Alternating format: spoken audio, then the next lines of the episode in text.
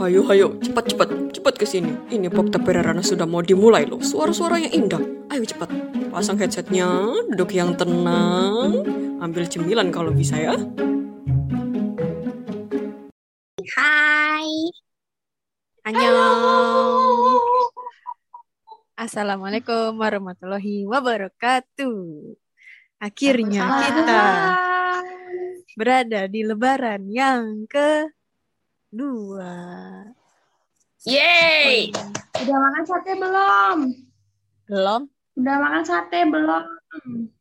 Wah, Kirim, kirim, kirim, kirim, kirim. Aku Idul Adha malah gimana? masak cumyang. wow. Sangat Aku, Sangat- aku Idul Adha malah makan ayam, olahan ayam. Wah, aku Idul Adha, Idul Adha makan nasi. Alhamdulillah masih downgrade bisa ya. makan. Alhamdulillah ya Allah. Emang kalian eh, biasanya nggak makan daging kalau Idul Adha? Enggak, aku vegan. Maaf, aku Preker, vegan. vegan tapi mangan Apa? sembarang kali. Lontong kupang. Sebelum kita memulai eh, ngobrol eh, lebih dalam tentang topik hari ini, eh, kami dari Pokta Perirana mengucapkan Selamat Hari Raya Idul Adha. Yeay. Yang merayakan. Selamat makan daging. Selamat Selamat bersate. berpesta-pesta dengan daging embek dan daging mo. Ya, awas kolesterol. Intinya jangan banyak-banyak. Diolah, Mm-mm, diolah yang betul ya dagingnya, dimasak Hmm. betul-betul. Kan nggak ikut masak, Bu. Kan orang tua yang masak. Loh, Kita mah tinggal makan. kamu sebagai anak kok gitu ya? Kamu ngapain? Bagian bagian ini aja, videoin doang. Iya dong, bagian dokumentasi. Tapi aku nggak boleh sate kok. Aku nggak, oh gak ke aku sih. Aku ikut ikut membantu. Membantu mendokumentasi. Iya. Dan makan, menghabiskan. Gimana Idul Adha di tempat kalian dengan situasi PPKM? Apakah apakah ditutup atau bagaimana? Apakah kurbannya online? Ngebayangin online ya Allah. Mbaknya di mana, tukang jagalnya di mana? Kayak saya tambal ban online nih kalau. Siapa Iku ngawur ya, jahat sih ngekat videonya jahat.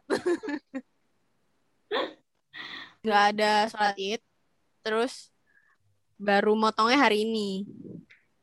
Gitu. Oh, hari kedua ya. Mm-mm. Dan katanya bapakku Baru sih lebih sedikit ininya hewan kurbannya juga. Sama sih kayak Zaza, nggak ada sholat id. Dan nggak ada potong-potong kurban deh yang di sekitar sini ya.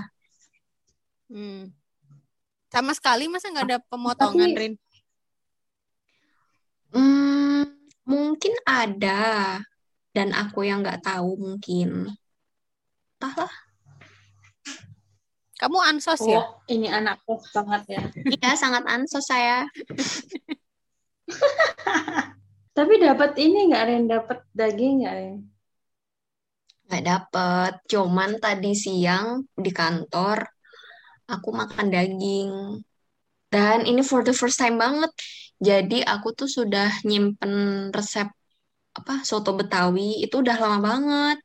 Cuman nggak pernah aku masak karena kayaknya bahan-bahannya tuh banyak banget gitu dan ribet rempah-rempahnya banyak banget. Kayaknya mesti aku skip. Dan baru tadi aku nyoba soto Betawi dan rasanya hmm, enak banget. Oh, langsung Rasanya enak. masakan gitu ya berarti. Mm-mm, iya, aku pikir awalnya tuh tongseng, tongseng sapi gitu. Tapi Hmm. bukan. Itu kata teman aku Hmm. yang dari Jakarta, ini mah bukan tongseng, tapi soto Betawi. Enak banget ternyata tadi. Kalian pernah ini bantuin buat potong-potong daging, masukin daging ke kresek-kresek mungkin buat dibagiin. Aku pernah. Pas Wow. zaman sekolah SMA. Ya di sekolah bantuinnya, ngebagiin. Gitu. Udah gitu doang.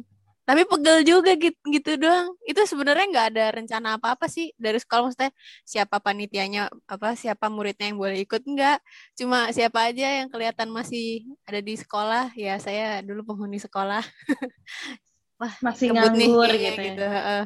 gabut nih bocah ayo bantuin ya udah bantuin seru juga Kalau aku seringnya itu bantuin ini mbah aku sih. Jadi mbah aku tuh eh, bukan bukan mbah kandung sih sebetulnya. Jadi mbah aku itu mesti tiap tahunnya eh, kurban kan. Dan itu em, aku bantuin biasanya cuman bantuin masuk-masukin daging-dagingnya doang.